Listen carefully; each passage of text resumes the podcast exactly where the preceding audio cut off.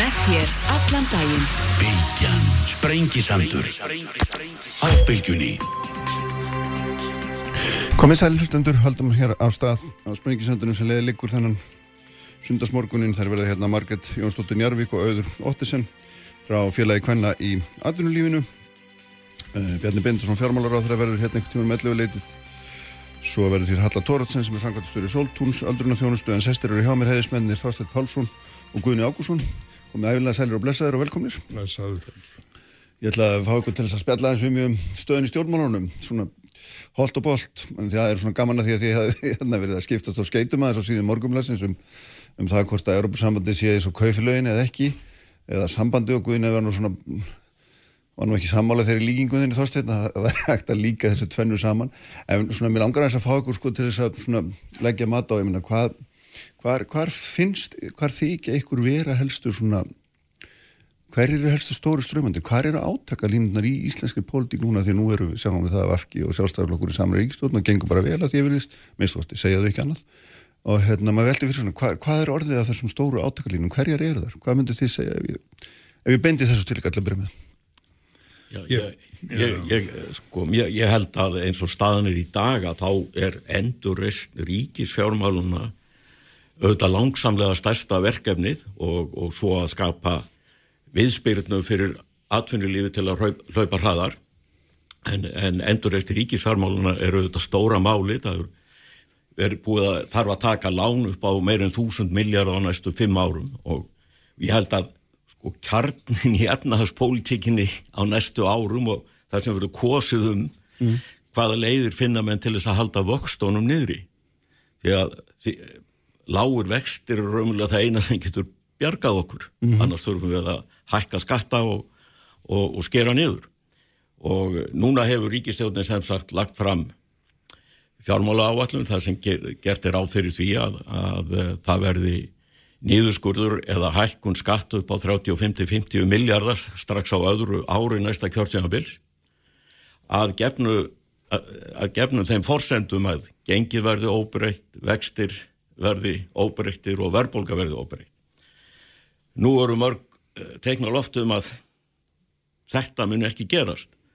Og, og til þess að, að auka líkunar á því að þessar fórsendur haldi hefur ríkistjónin lagt fram frumvort með tveimur ástöfunum annars vegar að, að skerða uh, lífeyriskreislur og hins vegar að gefa sælabankanum heimil til þess að beita ja, ríkum höftum og eftir hrun og þetta er auðvitað ein aðferð til þess að, að eh, minnst óvasti reyna að halda þessum tekju bætandi aðgjörnum við neðri mörkin. Eh, ég hef bara séð eina tillögu sem á, á móti þessum rástöfunum ríkistjóðnarinnar og það er til að viðreysnar um að að við hefjum þegar í stað gjaldmiðilsamstarfið Európusambandið um það að halda krónunni en tryggjast döðuleika með sveipuðum hætti og í Danmörku mm -hmm. og með því móti eh, væri hægt að komast hjá því að setja á gældirisöft og komast hjá því að skerða elli lífurinn og, eh, og það myndi auðvitað bæði styrkja sko, eða auðveld okkur að takast á við vandaríkisjóðs og auðveld okkur að eh, láta atvinnulífið að gefa atvinnulífinu tækifæri til að hlaupa hraðar þannig að og auglustegu eftir fleiri hugmyndir eftir að koma fram en eins og staðanir í dag eru bara þessar tvær megin línur á, á borðinu. Mm -hmm. Hvað segir þú Gunni? Ég náttúrulega sakna þess núna þegar við hittust hér aftur við þósturinn að við skulum ekki verið í frambóði í Suðurlandskjöldæmi við þessar aðstæður. Já. Við áttum þess svona 30-37-8% af fylgi okkar flokkar og svo fekk allt í bandalagið einn mann Þetta voru stóru veldi og við Já, fórum... Það, sko, minn flokku fekk 37% já. og 39% en já, þinn, þinn runglaði 20. Nei, ég fekk 29, hvað er þetta annað? 29. 29% en nú, nú væri glæsilegt að vera frambóða motið þóstinni orðin Evrósinni, talar um Evró og Evróbúsamband hort feggja ekki á dasgrá Nei. Uh, Þannig ég vil nú bara taka það fram að ég var að líka sís í greinminni mm við eh, það sem er að gerast hjá erbúrsambandinu. Ég vil það komi skýrt fram að Ágúst Þór Árnason skrifaði mjög lektor sem nú er látin skrifaði mjög merka grein og það segir hann sannarlega frá því að Össur, hann heldi leiktjöldunum upp í átján mánuð eftir viðræðum var hægt. Þeim var hægt og það veit sjávarútisráðan gamli. Viðræðunum var hægt að því að stranduðu hjá Europasambandun og Íslandi líka. Men gátt ekki komið með tillögur inn í pottin. Hvorugur vildi það. Þannig stendur það en nú mm. skulum við ræða um þetta hér. Já. Ég held að hér sé margt gott Já, ég vil bara aðeins bæta við þetta því ég satt í samninganemdini og get bara veitnað um að þetta er ekki rétt lýsing en, en við skulum við tala um það sem alveg skipti Ég tristi Ágústi Þóri í þessum efnum ég tristi honum, hann fór til Evróp og talaði við þá, en við skulum láta það líka á milli hluta. Evróp og sambandsadildin á ekki að vera hér deilu efni við þessar aðstæður. Mm -hmm. og það er ekki á dasgrá Hva, Hvað finnst þér vera aðalega á dasgrákunni? Já, okkur er náttúrulega að vinna við, við erum harmur Eh, við erum hluti af harmi heimsins. Í miklum uppgangi hér kom COVID og við erum hluti af því og það verður ekki fyrir að opnast okkur hefur tekist þessari ríkistjórn og stjórnmálamannunum að verja uh, stóran hluta atvinnulífsins undir, undirstöðu atvinnugreina það er auðvitað ferðarþjónastan sem miklu gjaldir í skapandi atvinnuvögur sem hefur strandað hvað gerist þá? Guð almáttur kemur með eldgós eins og ég fjalla gós. Og nú blasi að ég held bjartir tímar við um Græntland, við um hann á miklu meiri árangri sem sjálfstæði þjóð á að verja okkar land fyrir COVID. Og þetta gós, ég er búin að fara á það og fara á sjáða. Þetta er eins og falleg eh, þjóðháttíð Já, sem á stendur hann og á hættulegsum stað sínist mér.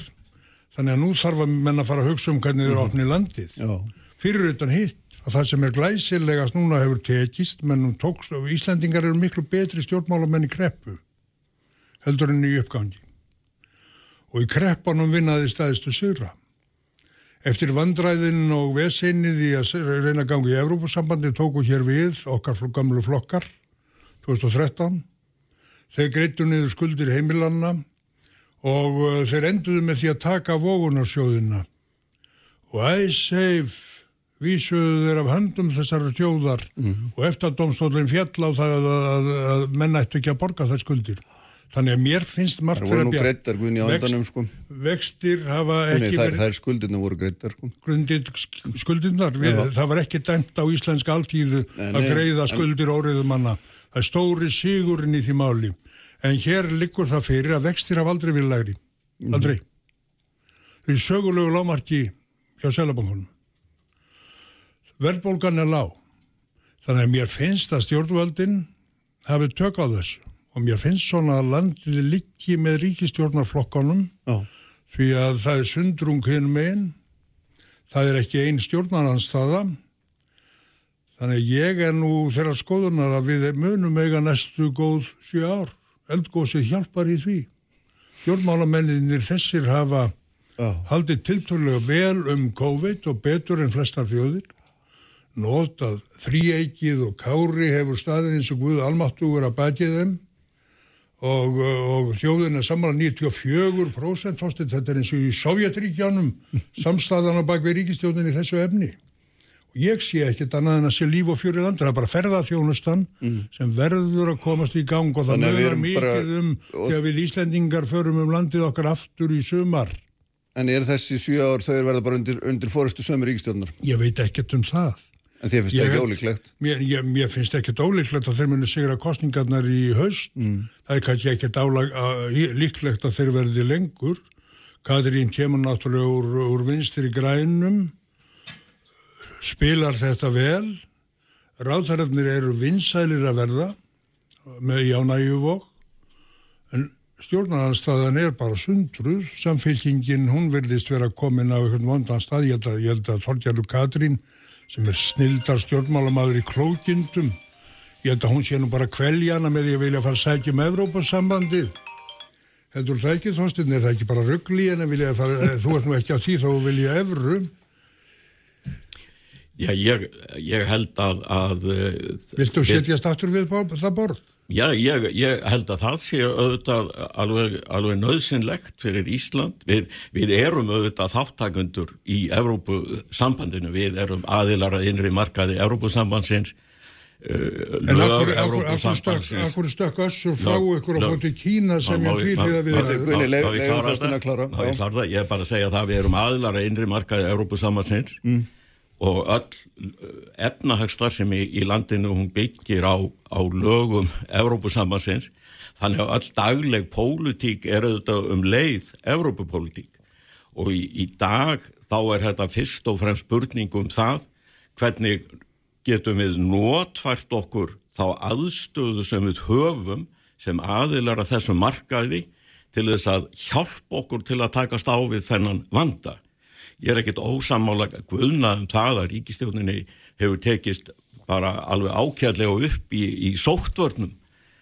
Það er helsti veiklingin að stærsti flokkurinn hefur verið klófin en, en samt hefur ríkistjónin staðið saman og, og ég, ég er ekkit ósamálunum um að að, að, að það hefur gengið vel en kostningarna hljóta að snúast um framtíðina en ekki fortíðina og þetta stóra verkefni þessi gríðarlegu lán sem ríkisöður hefur mm. þurft að taka með réttu og nöðsynlega hvernig á að borga þau niður og hvaða leið ætlum við að fara til þess að ná niður vöxtum og það eru bara held ég þessar tvær megin leiðir, það er þessi leið sem ríkistóðin er að leggja upp með að, að gefa sælabankanum heimil til þess að, að beita kjaldirisöftum og, og að skerða lífeyriséttindin eða að leita þessu gjaldmiðlasamstarfi og það er ekki ný hugmynd. Hún kom fyrst fram fyrir 20 árum. Stefán Már Stefánsson, lagaprófessor og Guðmundur Magnússon settu hana fram þegar að gjaldmiðils eða breytikinn var gerð og við, við hurfum frá fastgengistefninni þá lögðu þeir til að henni er haldið áfram á þessum grundvelli. Þannig að, að, að þetta, er ekkert... Ítalija, Gríkland og Spátnum þjáist mjög í Eurófusambandinu út af. Leð mér að klára þetta. Þannig að þetta er ekki ný hugmynd. Og, og, og spurningin er bara þessi, hvora leiðina mm -hmm. viljum við fara.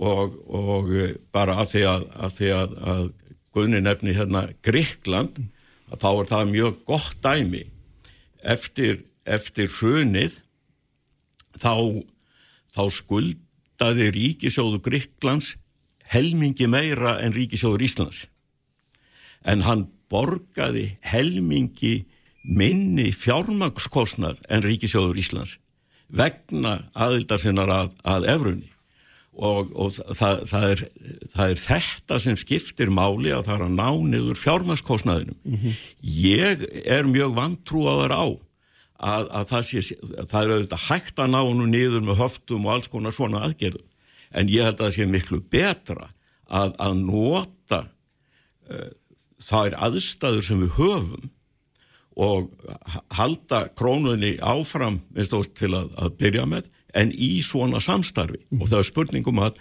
við, hvort að menn eru tilbúinir að, að nota það eða ekki. Allt frá 2013 hefur okkur gengið mjög vel, skuldir ríkisjóðsfóðu greitar upp, þetta er nýtt vandamál. Ég treysti íslenskum stjórnmálamönnum og embætsmönnum til þess að finna leiðir út úr þessum vanda og mér finnst ekki að færin blasa mjög við. Það likur ekki síst í því þegar landið opnast aftur og pláan er gengin yfir sem Kári segir að verði 13 óttúber Ég, ég tristi líka stjórnmálumannum til þess að leið okkur út af þessu. Aha. það er bara spurning hvora leiðina þeir vilja fara. Já, það er hin, það verður það, það verður að fara hína leiðina nú um, svo er annað mál sem mm. er stort við erum hér í gríðarlegum vanda það fer mikil tími í það hjá ríkistjórnin til þess að ratklifvarðar og áhrif af Európa-sambands eða EES samningnum við höfum gengið mjög langt Evrópusambandið er ekki það samband sem það var. Það er, það er að yfirtaka auðlindir, lögjöf þess gengur hér sjálfala inn. Þannig að við þurfum núna Íslandingar sennilega að fara í nýsköpun með bretum og norri og fleirum um hvernig við eigum að verja okkar auðlindir. Ég hef að við getum verið saman, sammála um það, sís fjall. Það er mjög litla, mikla líkur á því að Evrópusambandi verði ekki til í þessari mynd eftir 30 ár segja mér fræðmenn. Öll svona samband, hvort sem það er nú bandaríkin, nú þurriða, Sovjetríkin fjallu, sís fjall þannig að það eru öll, öll, svona stór veldi þau, þau, þau eiga sín endalók þess vegna þurfum við mjög að fara að hugsa um það að ganga ekki lengra inn en það að við höldum í grundvallar eh, auðlindir okkar. Akkur eiga Íslendingar ekki að ráða hafi sínu? Gerum við það ekki? Gerum við það ekki? Nei, við erum að tala um að forna því Þorstinn var í viðræðum sem strönduðu að því að menn vildi ekki ganga inn í á Európa-samhansins. Bretarnir stóði í stórri baráttu að ná sér út úr Európa-sambandinu. Þannig að þetta er ekkert einfalt mál. Kommissera valdið er vald embættismanna. Brussel er hlaðin af embættismönnum frá öllum Londonum sem eru háun launum skattlausir og þeir fara að tala jável fyrir öðrum hagsmönnum, jável íslenskir menn þegar þeir eru komnið þar út. Ég bara út af þessu þá auðvitað ákvarðanir í, um, um, um lögjá í Evrópusambandinu eru teknar af pólitíst kjörnum fulltrúum af ríkistjórnum aðildarlandana varðandi sjávarútveginn þá eru bara gildandi reglur Evrópusambansins þannig að það er byggja á veiðrétti þannig að, að engin þjóð fær veiðrétt í landhelgi annarar nema eiga þar veiðrétt þannig að þar á leðandi koma engin skip til til, til, til veiða. En, en aðild að Európusnabbandur tekur langan tíma og, uh, og það, það, við hefum eftir, eftir að, að breyta, við hefum eftir að breyta stjórnarskráni til þess að mm. það gerist. Uh, þess vegna er, er held ég skiptir mestu máli að byrja að undirbúa það með umræðum og, og, og breyta, svo bara eðlileg og leifa og breyta stjórnarskráni hvernig? Stjórnarskráin er ekki með einn hún er, hún er varðveisla gagvar fólkinu á valdamannum við, við og ver egnir lands og þjóðar. Við þurfum að, breyta, við þurfum að breyta stjórnarskráni mm. til þess hvortveggja að taka af öll tvímæli um að, að aðildin að, að innri markaði Evrópusambassins samrýmist uh, stjórnarskráni það eru uppi deilur um það. Ég vil breyta stjórnarskráni þannig að það verði engin tvímæli um það og ég vil að okkar stjórnarskrá verði jafn og opinn og stjórnarskrá annara Norðurlanda þannig að við getum tekið fullan þátt í, í fjölþjóða samstarfi eins og Európusamar og ég vil skjóta því og ég ætla bara, ef ég vil klára þetta að fórsvætti sá þeirra lofaði því að þetta er gert í fyrsta áfanga endur skoðunar á stjórnarskráni en var það að svíkja það vegna afstöðu sjálfstæðisflokksins. Mm. En það sem eftirstendur í þessu stjórnarskarmáli er það sem ég held að snúi að kostningunum. Að þetta verður ekki kostningamál, það er búið að íta því út á borðinu og, og kemur þá ekki fyrir nettur fjögur ár. En, en það sem verður kostningamál og lítur á stjórnarskarmáli er öðlinda ákvæðið.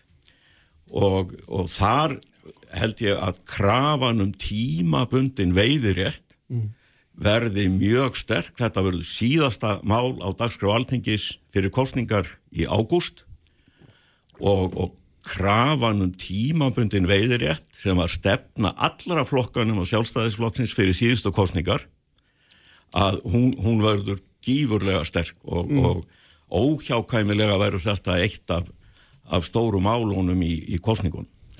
Ef að stjórnarskráni verður breytt sem sem enn tiggja nú hver út úr öðrum þá er þið að breyta henni þannig að hér kemur þjóðaratkvæða greiðstu til um staðistum mál. Þjóðin sigraði æsseif vittleysuna og, og þjóðin hefur aldrei kosið um samningin. Stjórnmálamennitin hafa marg, marg brotið stjórnarskrána í því ferli sem hefur verið síðustu árin. Orkupakkin er skýrtið dæmi um mál sem hefði átt að ganga í gegnum þrjár umræður á alþingi Íslendinga og forseti landsins hefði átt að undirrita. Og uh, þess vegna verður, er mjög mikil vandi að breyta stjórnarskrána, menn eiga ekki að breyta henni í þáu þess að stjórnmálamenninir fá að leika sér að henni. Heldur að almenningur komið þá meira inn í málið í gegnum þjóðaratkvæðagreðslur. Það, það var sem sagt lofvort, lofvort fórsættis á þeirra að mm. koma með tiluga stjórnarskálbreytingu þar sem þjóðin fengi heimil til að taka ákvarðanur um mhm. svona stórt mál eins og aðvitað Európusambandinu í þjóðaratkvæði. Þannig að þjóðaratkvæði um það kæmi inn, þetta var lofvort fósættis á þarans og það var svikið vegna þess að stærsti flokkurinn í ríkisjóninni gæti ekki fallist á það. Mhm. Hér verður auka meiri hluta í öllum svo stórum yfir þjóðlegum málum. Þess vegna verður þetta auðvitað uh, mál sem kemur Landbúnaður er komin undir Evrópussambandi sem átti ekki að vera þar í samningunum. Uh, orkumálin eru komin þar inn. Öðulindirnar, útlendingar eru komin til að kaupa þar upp. Ríkistjórnin hefur varið miljónum til að stoppa ratklif af og hefur tekist að stinga hælum niður. Þannig að vakaði yfir Íslandi út af því sem er að gerast. Við erum að ganga lengra og lengra inn í mm. þessa gátt. Mm. Þess vegna verður að vera núna nývakning í þessar umræð og það er náttúrulega skömmaði að þessi umræða fer ekki fram í landinu. Rúf hefur þessa umræðu ekki uppi við hjá sér og menn sem að, sem að hérna hafa skoðan í hvort sem það eru lögfræðingar eða leikmenn eða stjórnmálumenn, þeir eru þakkaðir í þessari umræðu. Þannig Ágúst uh, heitin uh, Þór, hann stílaði af sér mjög merkilegu áleiti áður hann dó um hvernig Evrópasambands aðildar umræðunar enduð. Mm -hmm. En ég segi bara lokum Já, hvað var það svo. En eigum við þá ekki að vera sammála um það guðni að, að við skorum á ríkistjóðina að koma með þetta tilöga þessu stjórnarskar ákvæði þar sem þjóðin fær heimild stjórnarskar var það heimild til að taka þess ákvæði ég skor hefur við ekki bara að standa nei, saman í því ég skor á stjórnmálamennin að ná saman um það það er ekki vist að þeir geti það, þetta eru margir flokkar. Já en, en við getum nú staðið saman um það. við getum staðið saman um það. en þinn flokkur réðist til dæmis á stjórnar stjórnarráðu og breytti því með, með samfélkingunni til að búa það undir Evrópussambandi 2007 Já, ég, ég er að, ég er að tala um þessa stjórnarskrábreytingu og eigum Já. við ekki að vera sammála um það að byggjum þetta? Ég tel að þurfa að breyta stjórnarskráni þannig að hún stöðvi yfir þjóðlegt vald og takja valdið af þjóð, Á ekki þjóðin að fá að taka það ákvörðun?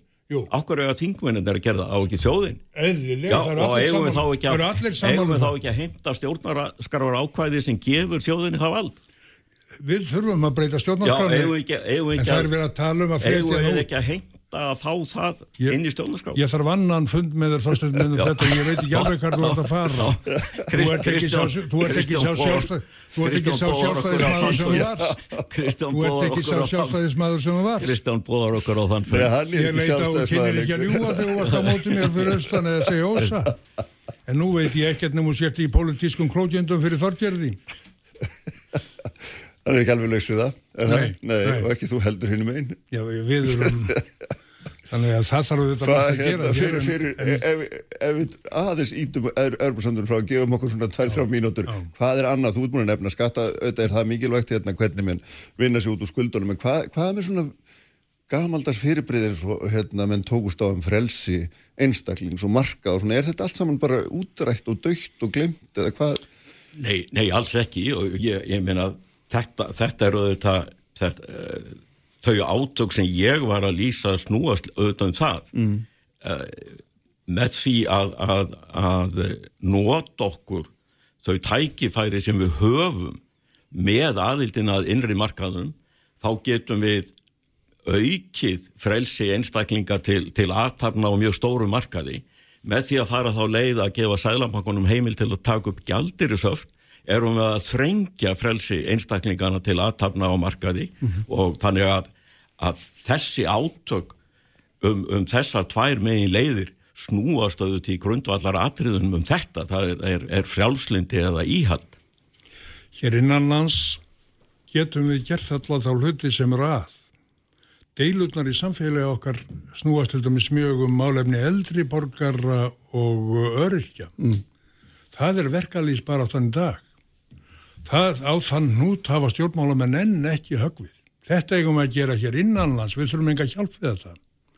Þetta er ekki, þetta er ekki sönnumræða, en það er mjög mikilvægt að högva á þennan nút að um, eldri borgarar búi við rétt, að stjerðingarnar séu ekki eins og þær, þær eru sagðar vera, sumir hafa það mjög góð, gott, stór hópur af þeim, einhverjir hafa það slagt, stjórnmálamenn verðan að þjóðar sagt í umræðunni um afa og ömmu og pappa og mömmu til þess að við búum hér í sangirni. Þetta eru hennar verkalýslegu deilur dagsins. Og þinn, þinn flokkur hefur lagt frumar på alþingi um að, að skerða lífriskeslunar. Það er nú ekki, allir, stórt, það, það, ekki stórt framlega. Það hefur allir flokkar tekið það, það upp fyrir bara, tíu... Þetta er nú bara nýtt já, já, fyrir... og þá skerða greiðslunar úr lífyrirsjóðunum Þetta, þetta er það sem búið að vera Þa, það er það sem þeim flokkur er að gera núna. úr, er ég er ekkert að snú út flokkarnir bara... hafa allir verið í þessu og, og, og, og þínir stjórnmálamenn í viðreist hafa verið í þessu líka. þetta er fyrsta skipti sem þetta er ég er að segja þú átt að vera saman á mér um það að þetta er hútur sem á að vera hægt að högva á. Þarna á að vera hægt að gera þjóðarsátt og ég skor á framsóknarflokkin um að þetta er ekki rétt að leiða félagsmálráðarinn að gera það. Yes, og síðan held ég að hér sé aðtapna frelsi, ég hef áhugjör að landbúnaðunum hann er eini, eini, eina hotkellingin sem hefur verið hjá þessari ríkistjórn annars hefur mjög fundist hún staðið sér vel. Já. Katrín fari vel sem fórsættisáþra og ráðþarar flokkarna staðið sér vel og þingið svona með sæmilegum brak og mér finnst að sé að koma mjög myndalegt fólk sem býður sér nú fram til þings, svona öflugur kjarni af uh, ungu og miðaldra fólki sem að núna sækja fram í öllum flokkum, þannig ég er nú tiltölulega ég er tiltölulega bjart sér Alþingi er nú bara tiltölulega vel mannað og, og ég, ég, ég held að í þessum um kostningum þá, þá Ég veit nú ekkert um það þástundum mannskað Einar Ben sagði ekki er Egilur í kammi, hér ekki gestur á hæli og ekki ég. Þetta sögmingir er þetta. það er fullt að nýju mjög öflugu það er fullt að nýju mjög öflugu fólki að koma fram í flestum flokkum. Ég held að það þurfa að koma meira af þessu alþýðu fólki sem ég sé í mínum flokki og við erum að koma fram. Ég ætla hins vegar að nefnilega akkurat að fara að tala við mannesku um öldrunumál þannig ég held að þetta sé bara góður loka punktur. Já, við byggjum að heilsenni við þástun og tilbúin að laga til. Já, það ekki. Þið, þið eru alltaf fúsitt í góðra verka eins og það stendur. Herrið, takk ykkur báðum fyrir að koma. Þetta takk. var hérna bráðskemmtilegt og gaman að fá ykkur og takk fyrir það. Halla Tórótsson sem er frangatastjóri hjá Soltúnu Öldrun og þjónustu verður hjá mér hérna eftir augna blikk. Kraftmikil umræða, alla sunnudasmórna, sprengisandur á bylgjunni. Sælir afturhustendur, þeir eru farnið frá mér Tvastin Pálsson og Guðni Ágúrsson eftir fjörlega skoðanarskiptu eitt og annað í, í stjórnmálunum. Alltaf gaman að heyra í, í þeim fjölugum hérna og heyra hvað þeir hafa til málun að leggja. Nú, nú hérna svo langt í frá að þessi búin að draga sig í hlýja þó að hérna svona formlegu fyrir formlegu frambjóða sé ekki sé ekki fyrir að fara lengur. Jæja, heyrðu, ég ætla að fara hérna, ég hef framhaldið af því sem vorum að tala þegar Guðni var að tala hér um um öldrunamálun, um, um eldri borgar og þessar ætla ég að halda eins áfram í þeim málflokki því að Halla Tóratsen er sett hérna hjá mig sem er frangvandastur í Soltúns öldrunarþjónustu Sæla Blessu og velkomin. Já, takk hella Sko hérna, þegar maður fyrir að hugsa um þessi þjónustu eldri borgar og fyrir að skoða þessi mála en þá, þá rennur það nú fljóttu fyrir manni það er svona, það er einhvers konar slagur, það er harðuðu slagur um það hvernig á að sinna þessari þjónustu hver á að borga fyrir hana, hversu mikið og, og hérna bara gengur heilmikið á. Við sjáum að sveitafélaginu hvert að fættur öðru að vísa þessu verkefni frá sér, Akureyri, Vestmanni er höfn, kannski fleiri manna ekki hérna og, og, og nú er hérna, eru, eh, hafið þið í, í þið sem eru standið utan hins ofinbæra kerfis er engar þið eru að kvarta mikið undan því að þessi útreiknuðu gjöld sem þið fáið sér allt og lág. Um, ég skilst nú bara á, á vonum gísla á grunda hérna, þessi, þið séu náttúrulega að fara á hausin bara þannig að svona og, og á sama tíma þetta er allt uppi þá fjölgar skjóðstæðingunum eldruði fólki fjölgar bara og það er alveg fyrirsjánlegt og það hefum við vitað lengi. En ef maður fyrir að velta sér þetta virðist vera bara bara ekki góð stað Ok, Nei. þetta var svolítið stór spurning. Já, en ég, meina, ég, ég veit ekki þegar maður horfir á þetta frá það þá kemst maður bara þessari niðurstöðu. Þetta er einhvern veginn ekki bara í nógu góða lægin Já, það er alveg rétt með því hjá þér. Og ég myndi segja að staðan akkurat núna bara í april, hvað er það? 18. april, mm -hmm. sé bara með sérstaklega kritísk. Síðasta ári, sko ég er búin að vinna í þessum bransi síðan 2016, sem er kannski ekki langt með við marga. En á síðasta ári, síðasta vor, 2020 mars, þá voru undröðaðir uh, mjög viðmiklir kjærsamningar sem að þar voru mikli, mikil kjærabót fyrir launþega og þarna sem er frábært, en enda er þetta mikla hvernastjættir og og þetta fólk sem eru að vinna á hjókuna heimilu mikið aðlýningu og, og bara aðrir fengu bara góða launahækkanir. Og það sem að kannski stæsta máli sem að við erum að standa fram með fyrir núna um, er betri vinnutími í vaktafinu um, það sem að við vitum ekki dag þó þetta hafi tekið gildi í raun og verið að samiðum í mars 2020 uh, þá taka gildi núna fyrsta mæ eftir örfóða við vitum ekki við hjúkunaheimili og, og sjálfsefnarstofnanir og, og eins og SOA og, og fleiri sem eru í raun og verið inn að samtaka fyrirtæki velfræðið þjónustu sem er hagsmunarsamtökin okkar. Við vitum ekki um, hvernig ríkið ætlar að koma til móts við þessar hækana sem þetta mun kosta okkur. Þetta eru aukinn launakostnæður.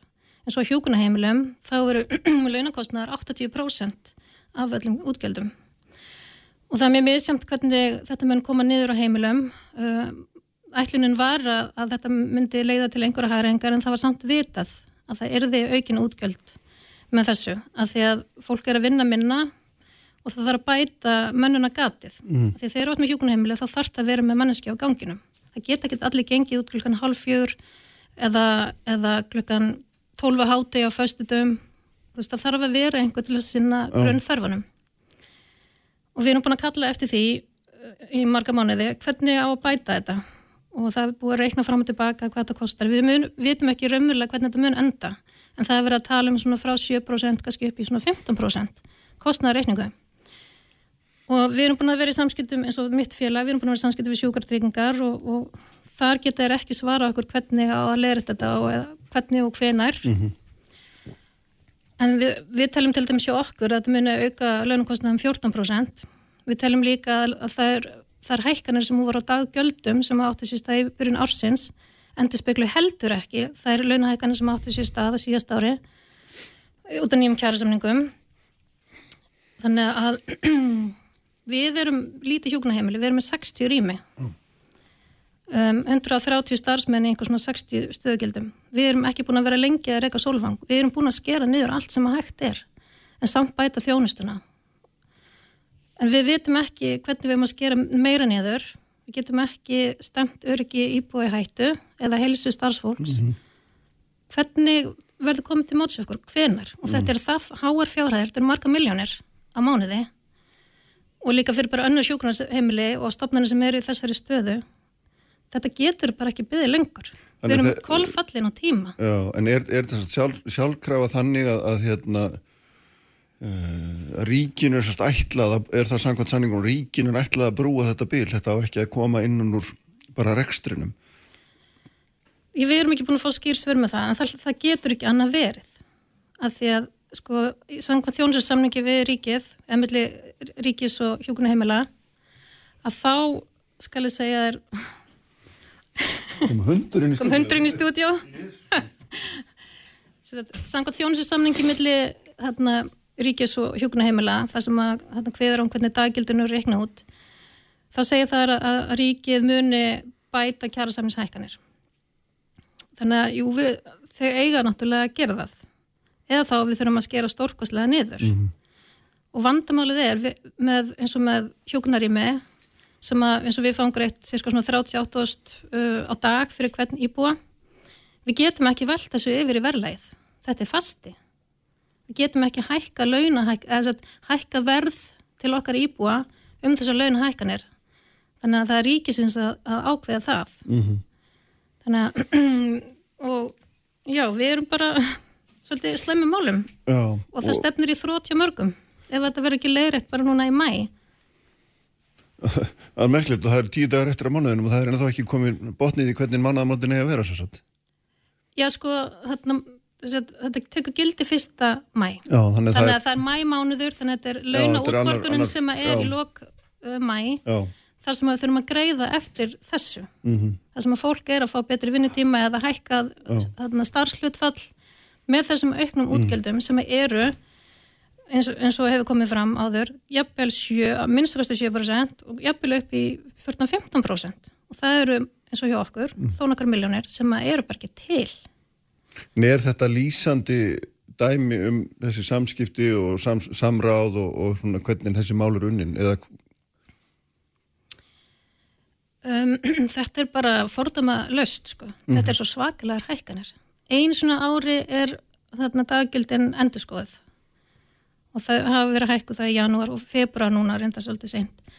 Þannig að ég ætla ekki að tala um fyrir hvernig samskiptin hafa verið. Við hefum áttið mjög gáðum samskipti við sjúkardrengar og þar er, sínaður ykkur fullan skilning.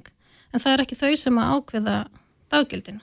Það, það kemur frá fjármálaráðnutinu og heilbyrðisráðnutinu og ég er alveg fullvissum að þar sé verið að skoða hlutina. En við þurfum að fá svör núna hvað er planið?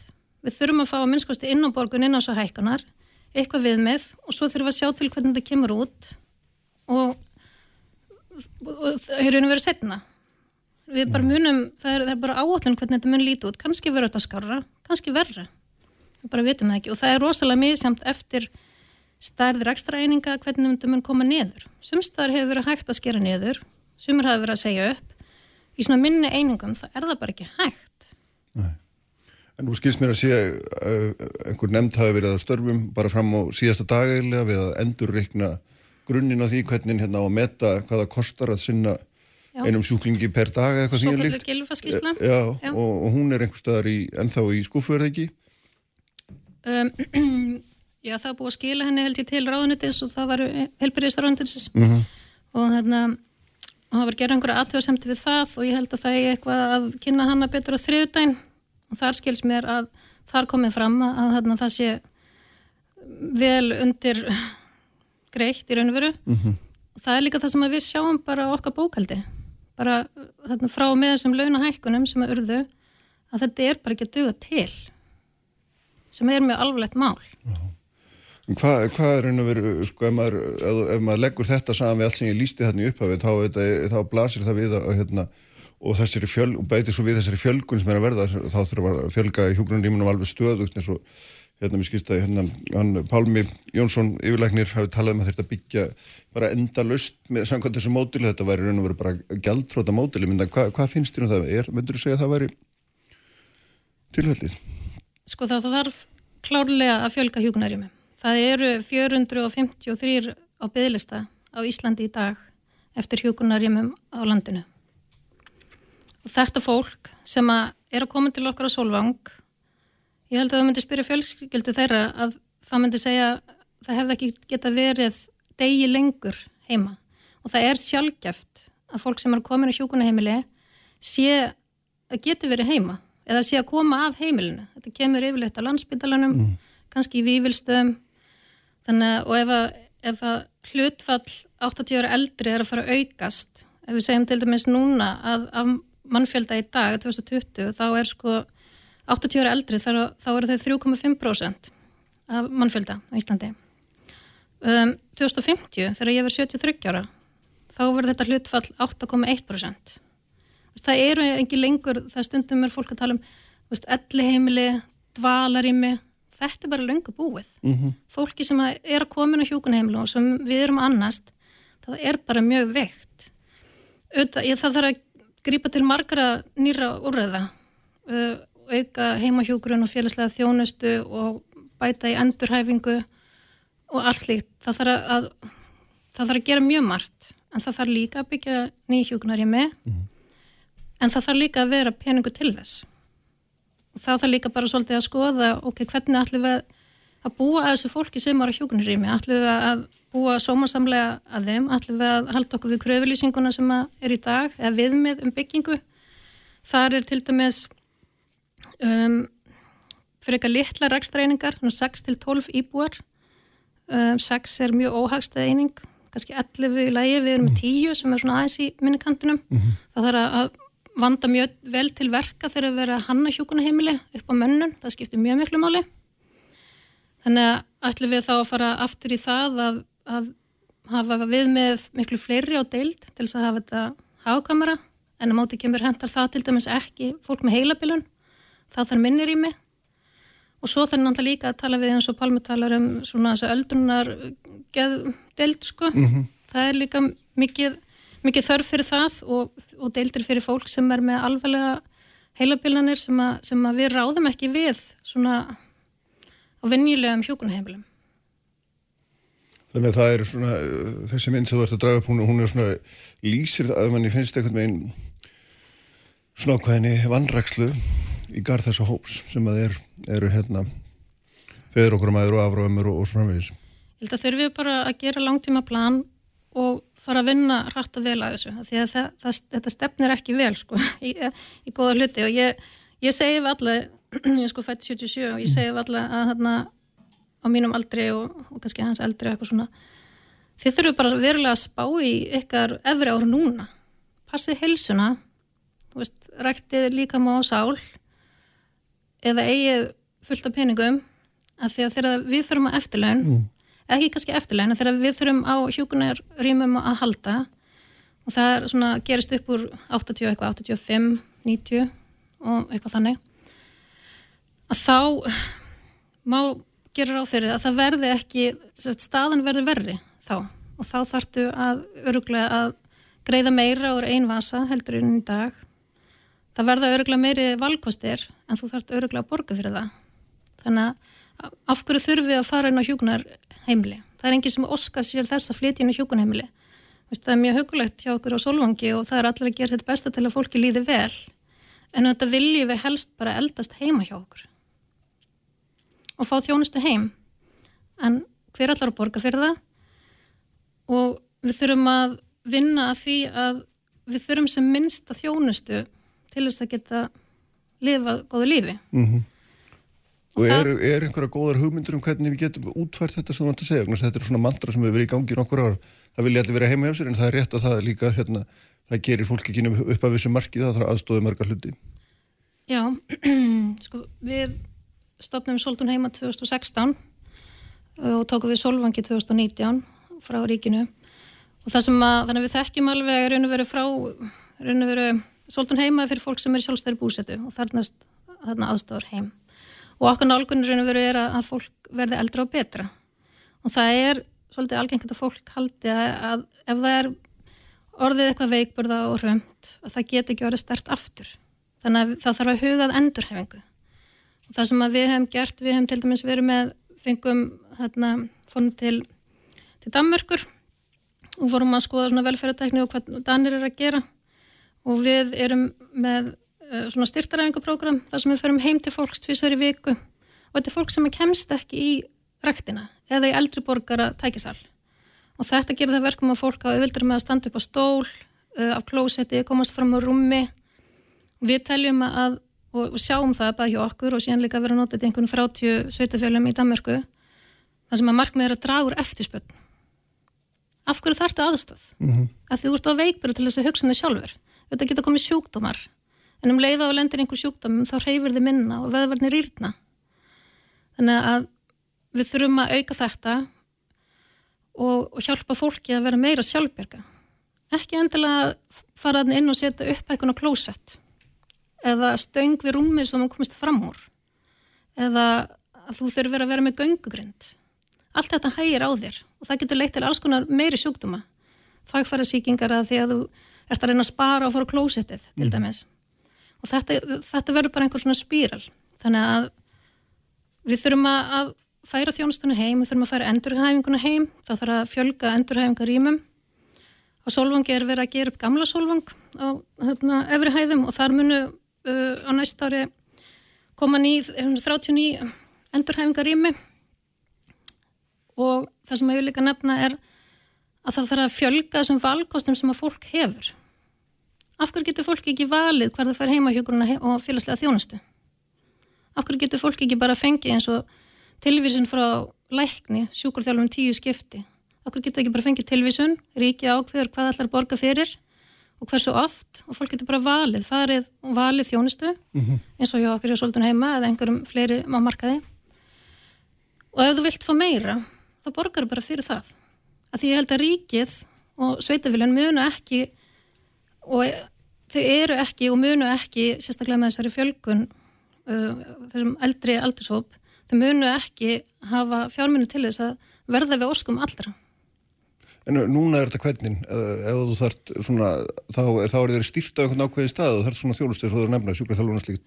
Já, núna er það þannig að, að þú byrjar á það sem að fólk oftast þarf hjálp fyrst við, það eru þrif og þannig að þú þart einhver aðstof heim, þannig að fólk byrjar að fá þrif, svo fer það kannski verða eitthvað meira veikburða og þarf meira aðstof, kannski við að komast á fætur eða það er matmálstíma eitthvað svona, svo kemur eitthvað annað upp á og og einhverju sjúkdómar þá þarftu heima hjúgrun þannig að fyrst er þetta að tala við kannski félagslega batteri í sveitafélaginu, svo þarftu að tala við heima hjúgrun sem er þá annan batteri þannig að þarftu að tala við tvo þjónustæðala og að eða þá getur við talað við okkur í svolítun heima mm. og við erum með bæði heima hjúgrun og félagslega þjónustu og það er bara sami málastjóri eða þjónustjóri sem að sinna þessu.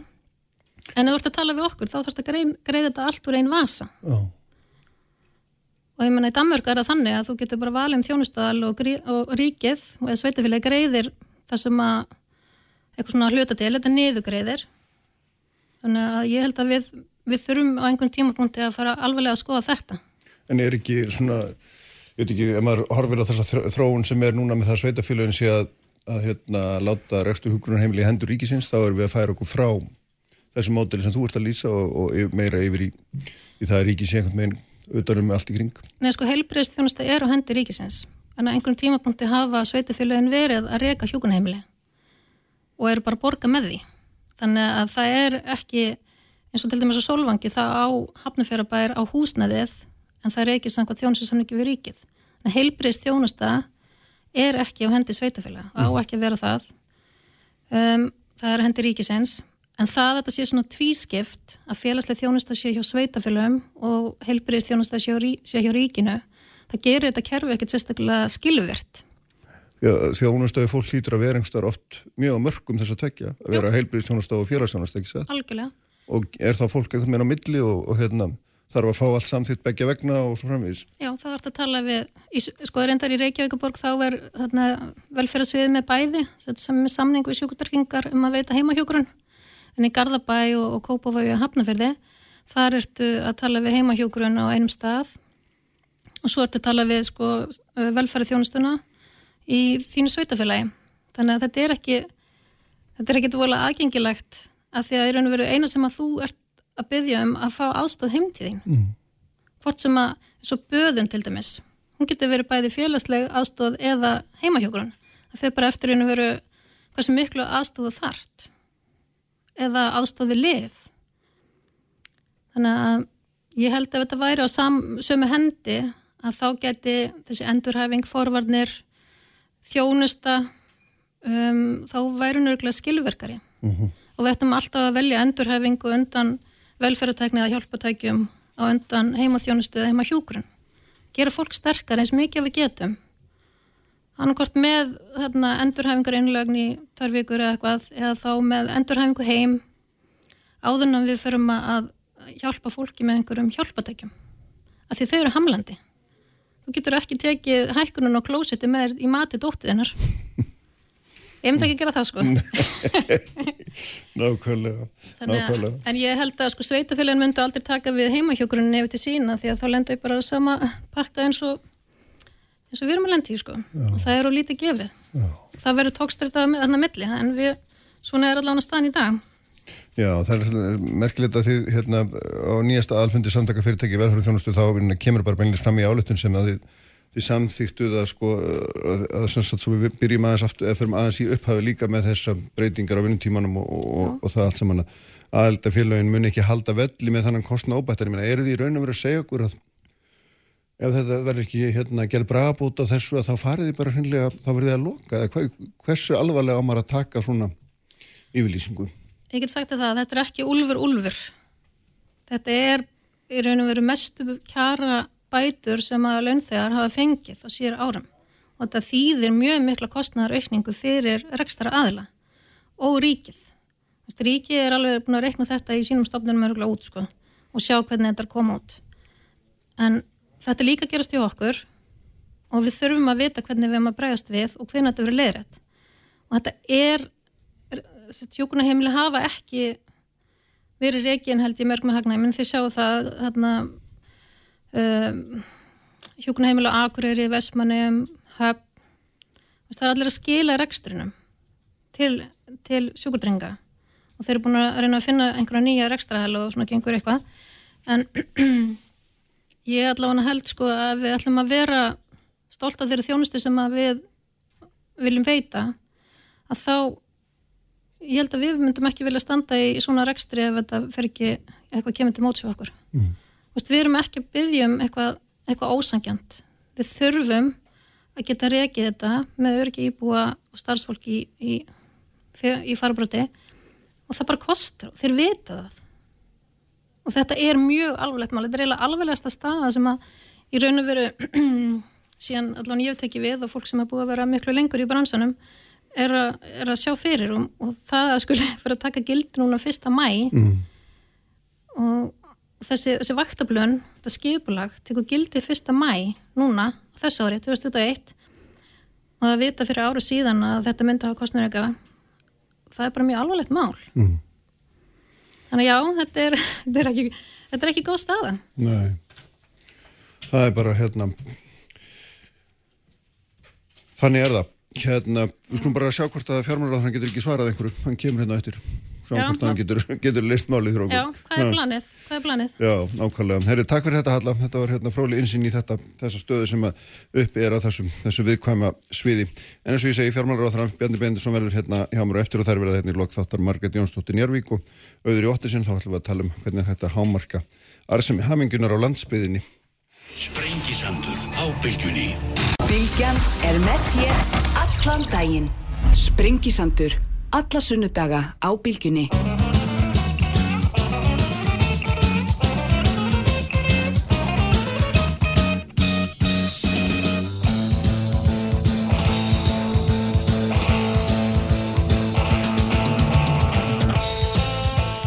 Sælilustundur, uh, hún er farin frá mér, hún Halla Tóratsen sem er frangastöri uh, Soltúns uh, öldrunarþjónustu.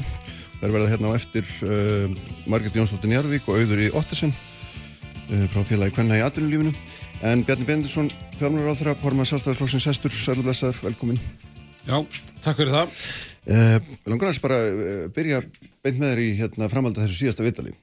Þar vorum við að tala um vanda hjúgrunarheimilega og það kemur í ljós að nú er verða kjærasanninsbreytingar, uh, hérna, stytting vinnuveikunar sem átaka gildi fyrsta mæð, þannig að eftir þessu þarf að greiða fyrsta júni og þráttur eru að menn hafa vitað þessi heilt ár þá er enn ekki búið að ganga frá hvernig á fjármagnasa breytingu. Já, ég held að það sem er verið að ræða þessa dagana er fyrst og fremst útfæslu atriði sem að geta verið mjög misjöfn eftir vinnustöðum. Þar er kannski fyrsta lagi að horfa til vakta vinnustæðana og svo er það aðri staðir þar sem að annað fyrirkomulega ríkir. Og uh, við höfum alltaf hortið þess að það er því sérstakt tillit tekið til uh, allara ríkistofnana uh, við þessa breytingu sem að tæki mið af aðstæðum á hverjum stað. Og þetta er flókiverkefni mm. um, við höfum auðvitað ákveðnum hlutverki að gegna í fjármálaráðnöndinu til þess að ganga eftir því að menn eh, hafi sem allra hagkvæmustu útfærsluna á þessu þannig að þetta verði ríkinu ekki mun kostnæðarsamara heldur en til stóð. Það var sameilu skilningur og það í upphafi og það verður auðvitað halda annars er það ákveðin forsendu brestur hjá, hjá ríkinu. Og við getum bara sagt að þetta var gríðarlega metnaðarfullt markmið sem menn settu sér að ná stýttingu vinnuveikunar í hvað var að segja, í einni við vorum svo sem með aðdraganda að þessu ákveði tilröna tíðanbíl fyrst en uh, í næstum því einni aðrenu í að flóknu vinnu umhverfi og veru með þannig að það er um þetta sem að máli snýst mm. útfæslan á hverjum stað mm -hmm. Og náðu þið að klára þetta áður en það á að fara að borga eftir þessum nýju samningum, það er nú bara hérna, rétt lila mánuðið þangað til Já, við erum uh, að stefna því að sjálfsögðu að, að hérna, vinna að niðurstöðu með öllum ríkisaðalunum þannig að mm. Það geti gengið eftir en í fjármálaráðunetinu verður auðvitað gáð uh, eftir því að, að útfæslan sé ekki einstaklega óhagkvæm fyrir ríkið þannig að kostnæðarum verði meiri heldur en til stóð mm. uh, ef, ef enginn gáður eftir því í, í, í fjármálaráðunetinu þá held ég að verði hérna mögulega allt og laust haumurinn og víða sko, því miður. Já, það verður upp í fótur og fyrrt ef hérna, peningarnir fara veld út en ég minna því að hann samt sko, haft 12 mánuð til að klára þetta, er þetta ekki, þetta ekki mjög óheflið að það sé að dragast alveg fram á já, síðasta dagnanast? Já, það, það liggur kannski meðal annars í því að útfæslan hefur ekki leiði fyrir í öllum ólíku ríkistofnununum mm. og hjá öðrum ríkisaðalum fyrir en að það er komin á þetta ár, allavega á því, það við í mörgum tilvikum. Við slumum hafa það í huga hér að það er í, í gangi stöðugur samanbyrður millir markaða ávalt þegar að kjærasamningslota fer e, í gang og e, ríki getur auðvitað ekki tekið á sig mun kostnæðasamari útfæslur á kjærasamningum en menn myndur nokkuð tíma ráða við á hennum almenna markaði. Mm. Þannig að það stendur þetta bara og býður eftir, eftir lausn. Já, við skulum bara vera bjart sín, það er, það er allir að gera sitt besta. Mm -hmm. Hvað hérna, langar þess að tala við um hérna, þessar stöði sem uppi er um að hérna, við höfum verið að taka gríðarlega mikið lán og það er auðvitað svona, verður eitt af megin verkefnunum næstu ára að borga þau nýður og, og svona reyna að, hérna, að, að jafna okkur á þessu áfalli og það er auðvitað svona, það er mjög skipta skoðunum um hvað er rétt að gera hvort að hérna, það sé raun og veru hvort við séum að komin að einhverjum efri mörgum í skuldum hvernig vegum að fjármagna þetta, eða hækka skatta eða draga úr þjónustu, hvað þarf að gera Hva, hvað stendur þú í þessu nokkala núna? Já, ég uh, sagði strax í upphafi að við skildum gera meira en minna og ég tel að við höfum staðið við það mjög rækilega. Við tókum uh, mjög myndarlega á málunum strax í upphafi með uh, bæði stórum lánaúræðum, miklum frestunum og síðan hafa komið stuðnísúræði hvert af öðru. Þetta er í kringu 20 ólík úræði sem hafa komið í svona þremur bylgjum og, og við erum svona leggja lokahönd á framlengingar og frekari stuðnisagerðir í ljósið þess hversu lengi þetta ástand hefur varað. Uh, hvar stend ég varandi skuldasöfnununa? Ég er einfallega með þá skoðun að við hefum að, við hefum að beita ríkisfjármálunum að fullum krafti núna til þess að styðja við hagkerfi sem að var í eins konar áfalli og ef við lítum tilbaka og, og skoðum hvernig tókst til og þá getum við hort á ímsa mælikvarða. Mm. Uh, við getum skoðað enga neysluna innanlands. Hvernig tókst okkur að verja neyslu stíð innanlands, það tókst betur heldur en viðast hver annar staðar, það tókst bara nokkuð vel myndi ég segja og við fórum fram úr öllum vendingu þar. Hvernig, uh, hvert er viðhorf atvinnulífsins til þessara aðgerða, já það eru ekki bara kannanir sem að hafa sínt að það hefur verið almenn ánæja með aðgerðinar þó að það sé ekki algilt þá er það svona almenna viðhorfið að það hefur tekist vel til og við höfum séð til til að fá gjaldrótt Um, og ég held að það sjáu það allir landsmenn að þetta er slíkt áfall þetta er áfall að þeirri stærðargráðu að sko það var ekki hægt að bjarga öllu með allt og kannski ekki endilega skynsanlegt mm. en okkar aðgerðir með því sem að Sæðlabankin síðan gerði sem að var að lækka vexti og breyta eigin fjáraukum fyrir fjármálakerfið skapa böngunum meira svigrum til þess að koma til móts við sína viðskiptamenn og síðan bankarnir sem bröðust við. Þetta hefur allt spilað vel saman í, í mínum huga og uh, og uh, ég er þess vegna ánar með þrátt fyrir mikla skuldasöfnun það sem við höfum verið að gera. Og ég hef bara orðað það svona. Uh, þetta er ekki glatað fyrir sko.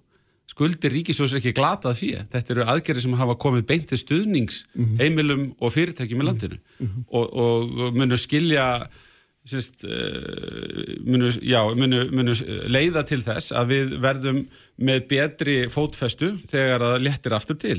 Og það er aðal atriðið svona horfa til lengri tíma og spyrja sig hvernig getum við hámarkað landsframleysluna svona fram á við litið? Og það gerum við meðal annars með því að tryggja við förum ekki í, í of djúban dal. Eftir sem áður er atvinnuleysið ávíkjefni, það er ekki þetta að horfa fram hjá því. En uh, þegar okkar stæsta útflutningsgrein kvarf bara og einni nóttu þá var ekki við öðru að búast og, og um, mjög margir sem hafðu flutt til landsins til þess að taka þátt í uppseflunum meðan hún varði og, og margir af þeim atvinnleysir og fleiri. En, en sko forsendunar sem að mann gefa sér til þess að þetta gangi upp eins og þú ert að lýsa því eru þetta það að við höldum einhvers konar svipuð ástand að við erum í núna þar að segja við höldum lári velburgu, lágum vöxtum og það eru þetta forsendan fyrir því að ríki geti skuldsett sig með þessum hætti og, hérna, og, og síðast en ekki sístu þetta það að það kom ekki annað áfall svona í Já. allavega okkar líftíma ef ekki orðað þannig jú, jú. Finna, veist, það er náttúrulega bara 13 ár síðan við gengum í gegnum mjög harkalegt áfall þannig að það getur þetta alveg skjast þannig að hérna, það er það sem verður svona velta fyrir sér erum við kannski komin, erum við stöndum við tæft ef að, að fórsendu breytast verðbólga ekst, ekstir fara að hækka, hvað gerist? Já, ég, þetta er auðvitað góð spurning og, og hún kemur endar úr öfugri átt með það sem ég hef verið meira að svara í stjórnmálunum mm -hmm. nýra á þingi. Og gaggrinni á ríkistjórnuna hefur meðal annars snúið að því og ég heyri það frá samfélkingunni svo dæmis í tekið að við höfum ekki tekið nógu mikið lán við ættum að taka miklu meira af lánum, mörg hundruð miljardi viðbót af því að vexti séu svo lágur og það telt ég að vera óabyrt og ég sé heldur ekki alveg þörfina fyrir það með við þann árangur sem við höfum náð við getum auðvitað ekki með ofinbjörnum aðgerðum bara útrýmt atvinnulegs á Íslandi Það sem gerðist hérna var það að það töpuðst störf í engagerunum fyrst og fremst. Hið ofinbera bætti við sig starfsfólki í fyrra, miklu meira sveitafjölögin en ríkið, en það, viðbót, það voru viðbóta ráningar hjá henni ofber í fyrra. Störfin sem töpuðst á Íslandi voru engagerunum og við þurfum að skapa skilir til þess að þau verði að nýju til þar. Þannig að um, ég hef ekki ofmiklar áhengir af því að hinn ytri skilirð okkar breytist svo snöglega að við sitjum uppi með mun þingri vakstabyrði vegna lána sem við erum að taka núna. Við erum að fjármagna okkur til nokkuð margra ára og hefur gengið ágætlega að fjármagna fjárlagahallan og við höfum svigrum vegna þess að við höfum borgað það mikið niður skuldir en þetta er hins vegar eh, þráðurinn í okkar fjármál áallu núna er einmitt á þessu nótu sem þú ert að leggja upp mm. með að það sé ekki annað ábyrgt en að taka stefnuna á að stöðva skuldasöfnun og fara aftur að sapna í kollöðunar þegar að fram í sækir mm -hmm. eftir 5-6 ár verði staðan orðin svo að við séum komin aftur í, í jafnvægi að við séum ekki endalust að styðja við hagkerfið með gríðalöfum fjárlaga halla jáfnvel eftir að krísun er lokið það er ekki ábyrgt, það er ekki sjálfbært, sjálfbært það er ekki andar lagana og ef það er eitthvað sem við getum lært af þessu þá er það meðal annar stað að það hjálpað okkur að vera með lágar skuldir þegar að áfalli reyði yfir og ef við þá ekki að reyna að koma okkur aftur í þá stöðu mm. þegar það hefur byrt til að nýju að, að hérna, gæta því að skulda söfnurinn verði ekki óhófleg um, ég held að Heldur hún sé núna við einhver öfri mörg, finnst þér að það vera þannig? Nei, ég held alls ekki sko að, að hérna, okkar áallanir séu að setja okkur alveg upp í e-, efstu mörg en Ég er hins vegar þeirra skoðunar að, að Ísland þarf að vera með lægri skuldahlutvöld heldur en aðra þjóðir að jafnaði. Og við getum ekki leift okkur að tefla og tæpast af að með skuldasöfnun uh, þegar, að, þegar að það er hardari eða hérna, já, kreppa hér. Um, heldur uh, eigum að læra af reynslunni og gangast við því að við erum með tiltöla fábróti hagkerfi meðal annars vegna sem við erum ekki fleiri en raunberi vitni og það kallar á varúð í ofnbjörnum fjármálum svona mm. til lengri tíma litið að stefna að jafna því að hóflegum skuldahlutföllum og að það sé að við eigum fyrir útgjöldum. Það er það sem við eigum að jafna því að stefna á. Aðrir geta sér að skulda meira. Bandarækjaman til dæmi sem eru með þennan eftirsóta gjaldmiðil er að stefna 100% skuldahlutföll sem að mér finnst rosalegt, þeir eru að fara úr 30% í 100 á örfáum árum. Já, já, það er hérna, blessunlega erum við ekki á þeirri leið, það er eitthvað mjög skrítið held ég, en hérna sko þegar að því að þú sagður að þetta kemur og öfur átt þá er náttúrulega hín átturinn þegar maður er fyrir að horfa það þá er það þetta atvinnuleysið. Og í fjármáláallurinn er náttúrulega gert ráð fyrir því er, er það ekki 2025 eða 6 að það sé ennþá 5% atvinnuleysi sem í söglu samhengi er nú bara þó nokkuð með það sem við þekkjum hér og bara meira tölvört mikið. Er, og það er þetta gaggrinnin gengur náttúrulega út af því að það reyn ekki að, að vin, vinda ofan að þessu með öllum tiltækum ráðum hraðar. Já, sko í fyrsta lagi þá eru atvinnleysi stölunar í fjármála áallinunni byggðar á, á hagspá hagstofunar og e, þetta er ekki stefnan okkar að hafa atvinnleysi þarna. Við ætlum að gera betur heldur en spár segja til um í atvinnleysi og ég er þeirra skoðunar að við eigum að takast aldrei á um það, hvaða leiðir eru líklegastar til þess að tryggja betra atvinnustík mm. Eh, núna í, á komandi mánuðum og ekki síst í aðranda kostninga og um það finnst mér að stjórnmálun ætti að snúast að, að verulegu leiti þar að segja hvaða leiðir eru líklegastar. Og ég segi, ég held að sé bara sömu leiðir og almennt eru best til þess fannar að hvetja uh, fyrirtæki til að fjárfesta til þess að taka áhættu uh, til þess að láta hugmyndir verða að veruleika uh, skapa hagstæð ytri skilirði, mm. almenn viðhalda lári verðbólgu gera það sem við getum til þess að styðja við markmið Sælabankans, þannig að opiböru fjármálinn síðan að tala sama tungumál og Sælabankin er að mæla í, í, í hérna, sínum aðgerðum þetta er líklegast til þess að skapa andrúsloft þar sem að menn sækja fram. Og sem betur fyrr sjáum við að fleiri fyrirtæki er að stefna því að ráða til sín fólk heldur en verið hefur undan farið misseri, svona væntingavísitölur eru aðeins upp á við. Það eru margir bjart sínir á að um leið og við náum tökum á veirunni og bólusetningar ganga fram að þá muni þetta snúast svolítið hratt við. Og ég held að reynslan sínir líka að, að þegar það er verið að horfa nokkur ár fram í tíman í hagspám þá er mjög erfitt að segja nákvæmlega til mm -hmm. um mhm. stöðun á Íslandi. Mm -hmm. Sko það sem þarf til þess að rýfa hagkerfið upp um 1% á Íslandi eru stundum ekki nema einstök verkefni. E, það getur verið einn láðnuvertíð, e, það getur verið stökk í, segjum, útflutningi á lagsi, það getur verið e, fjárfesting erlends aðela hér innanlands, það getur verið stofnun nýs flugfélags og aukinn ströymu ferðamanna. Þetta eru svona atriði. Svona atriði gerast ekki í öðrum hagkerfum þannig að það lifti hagvöxtunum upp um heilt prosent. Það er eitthvað mm. mikið að gerast í þeim hagkerfum til þess að sko, það fari alltaf upp um 1-2%. Mm.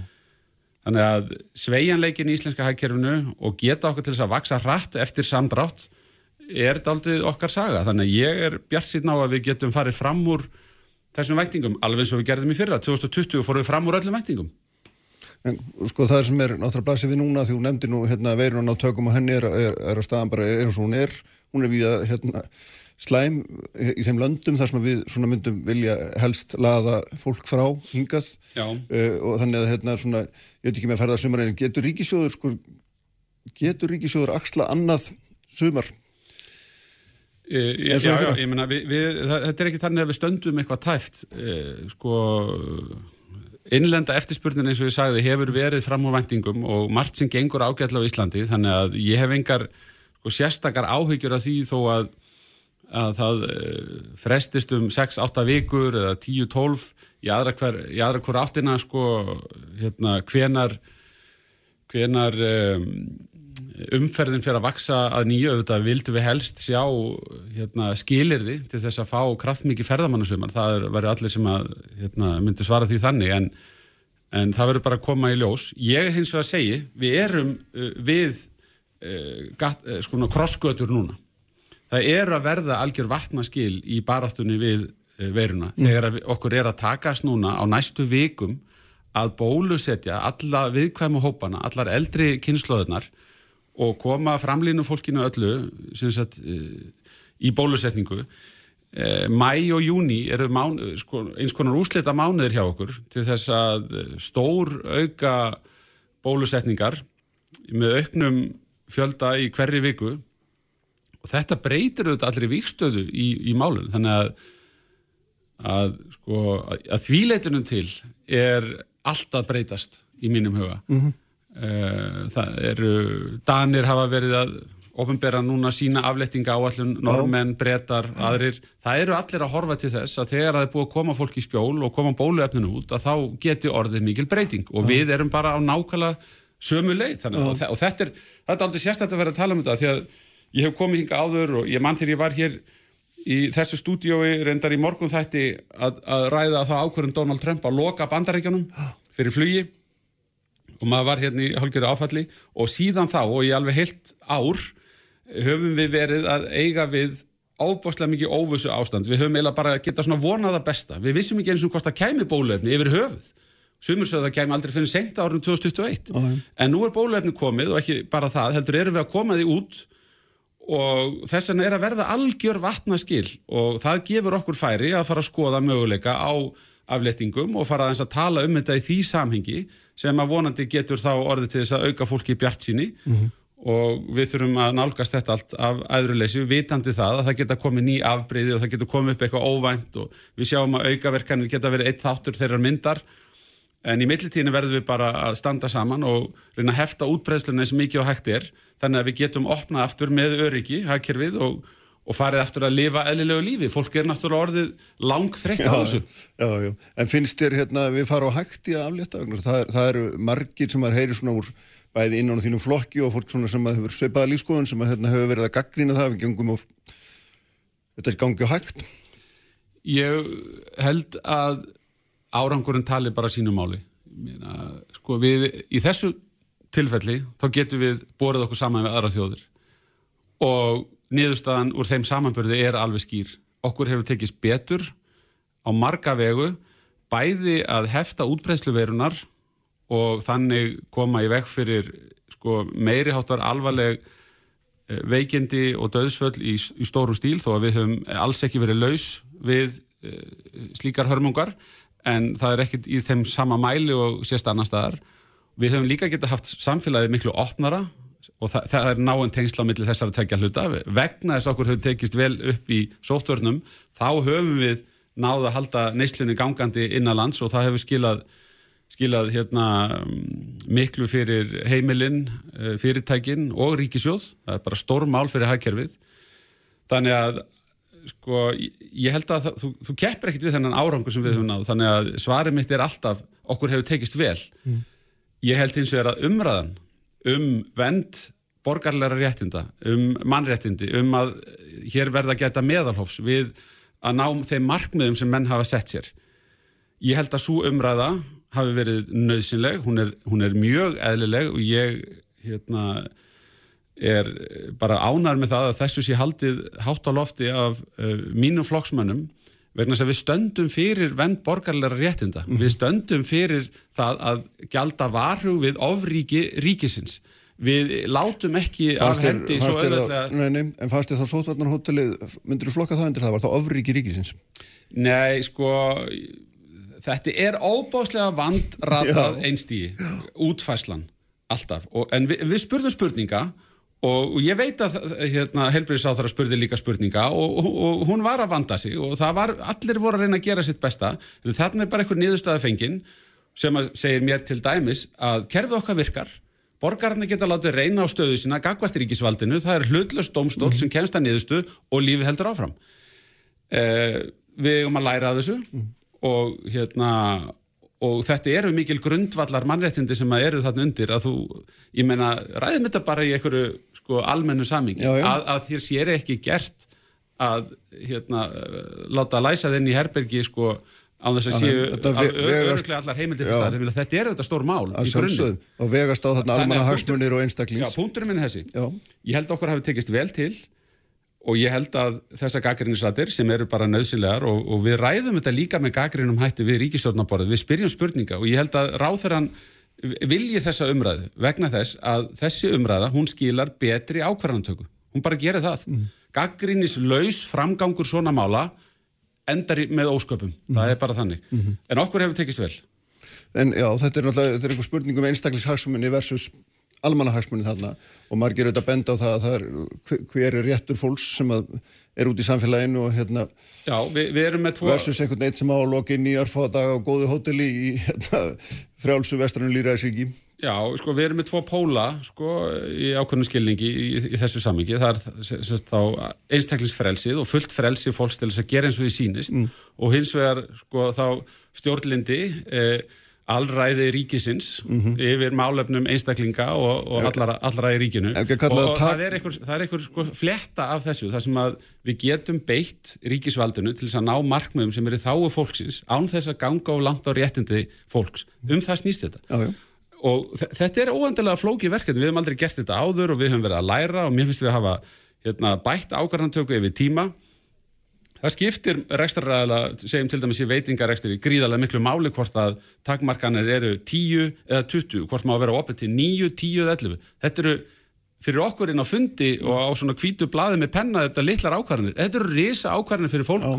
sem að vakna snemma á mótnana og er búið að veðsetja húsið sitt og taka lán í banka og hefur áhyggjur af framtíðinni hvoru megin við línuna ákvarðinni lendir? Er það 10 eða 20 hvað með að vera margir í hólfi? Ja. þetta eru bara stórar ákvarðinir fyrir fólk að núti og ef við töpum niður getum til þess að skilja það þá erum við ekki að standa okkur í vinnunni sko. Nei, nákvæmlega rétt. Og, og en, uh, þá segir maður á móti sko hérna, við höfum náttúrulega svo leið hefur verið falin að fara eftir uh, mati sóttvarnar yfirvalda nummer 1, 2 og alveg upp í 100 held ég nánast alltaf öllu verið fyllt getur maður sagt, já, nánast já, alltaf. Þannig að uh, hvar hafa þá þessi rauk leið á móti þessum að þú ert að nefna? Ég, ég skal segja að hérna, við höfum líka heist í aðdraðandi þess að nýja reglur taka gildi og við tökum spjallið og við spyrjum spurninga.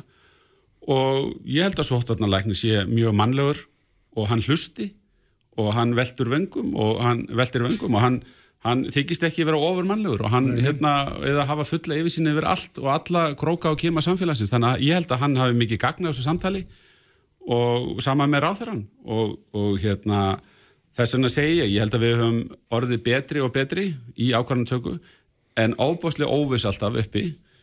Og því miður núna, akkurat í dag og í gær uh, smitt hér utan sótt hver í gangi, bara því miður, þannig að Jafnveld þótt við höfum verið með mjög strángar takmarkanir hér innanlands á samkomum og öðru þá, þá lifir veiran, hún er útsmóinn mm, en engin alvarleg veikindi í gangi sko heilt yfir, það eru veikir einstaklingar veit ég en, en við höfum verið laus við sko ála og gjörgæslu og slíka hluti núna í vetur. Já, já, og það eru þetta einmitt rökin fyrir því sem að menn, þá tefla menn fram þeim rökum að það sé óhætt að losa meirum, en ég heyra á þér að þú vilt, vilt fara varlega. Já, á meðan að fólk er óbólusett held ég að það sé engin skinn sem ég öðrun að fara mjög varlega, en það eru algjör vatnaskil þegar við höfum bólusett og komið í skjól öll, meiri hluta allra fullorðin á Íslandi og, og svo framvegis, ég menna það gengur vel núna mm. og þess vegna er ég að horfa til þess á næstu 8 vikum, 12 vikum, 16 vikum þá muni smám saman skapa skilirði til þess að taka stór skref, það er það sem að maður er auðvitað vona og ég held að allir vona, voni um, nákvæmlega hvað það þýðir annars vegar í innanlands tilslökunum og svo hins vegar á landamærunum eh, er ekki alveg tímum bært að tala sig um, mann verða líka að slá alla fyrirvara á þessi mál en en uh, ég held að við getum hort fram á bjartari tíma, það er mm. að miskosti þannig. En þú ert ekki tilbúin að gefa út eins og aðrar þjóður hafa verið að gefa út svona aflettingar áallunum þú veist, svona í gróðum dráttum? Jú, við erum að skoða það, við mm. erum að skoða eh, svona útlínur aðslíku og það getur vel verið að, að hérna, það getur hjálpað umræðinni og, og stilt betur væntingar inn í framtíðina. Sko það verður að hafa eitthvað þýðingu að bólusetja bróðurpart þjóðarinnar. Það lítur að leiða til einhvers, ég meina eins og E, eitt sem kom til mín í vikun og sagði, heyrðu, amma, amma hérna ringdi mig sko og hún sagði, heyrðu ég er ekki alveg að skilja þetta sko nú hef ég fengið tvær bólusetningar og það er svolítið síðan ég fór í síðari bólusetninguna en það breytist ekkert mm. ég er bara að lifa sama líf og áður oh.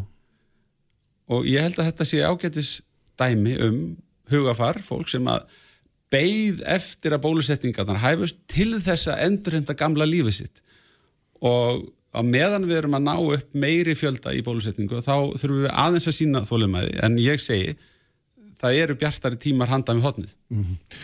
Hérna, langar aðeins að tala við bara rétt í lókinu um, um hérna, svona, þú nefndir á þann að það væri, það væri atvinnumáli sem þér finnst þetta, svona stjórnmálun þetta snúast um hvað leiðir mann þetta velja til þess að draga úr atvinnuleysinu og þá svona veldi maður líka fyrir sér sko, hérna, að því að þið eru nú, þið talið mjög vel hvertum annað hérna, inn í ríkstjórninni og, og svona, maður sér ekki kannski margt annað í spílunum en akkur er gefið ekki bara út að þið ætlið að halda áfram Já, við höfum það auðvitað, í sjálf og sér ekkert í, í hendi okkar að, að ákveða nei, það. Nei, sko. ég átta mig á því, en, en menn geta alveg sagt það fyrirfram ef þeir hafa áhuga. Ég, ég, ég hef bara einfallega sagt að ef að þessi flokkar halda meiri hlut á þingi, mm -hmm. þá finnst mér það að vera fyrst í valkostur að setjast niður og tala saman. Það er eðlilegt. Þá er ríkistjórnun áfram með meiri hluta í ákveðinu skilningi þó að hafi verið kosið og, og þá sé eðlert að láta á það reyna.